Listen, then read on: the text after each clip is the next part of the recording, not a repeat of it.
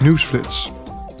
De politieke fracties van het Europees Parlement zijn deze week druk bezig met de voorbereidingen voor de plenaire vergadering van volgende week in Straatsburg. De leden zullen debatteren en stemmen over de streefcijfers voor de vermindering van de koolstofuitstoot van nieuwe personenauto's en lichte bedrijfsvoertuigen. Daarnaast zal er ook gestemd worden over het versnellen van de groene transitie en de opname van Repower EU-maatregelen in de nationale herstelplannen. Het parlement hoopt zo Europa minder afhankelijk te maken van fossiele brandstoffen uit Rusland.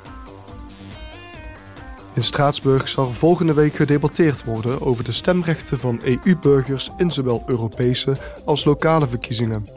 Daarnaast gaan de parlementsleden met de voorzitter van de Europese Centrale Bank, Christine Lagarde, in gesprek over het beleid van de bank, waarna er ook gestemd zal worden.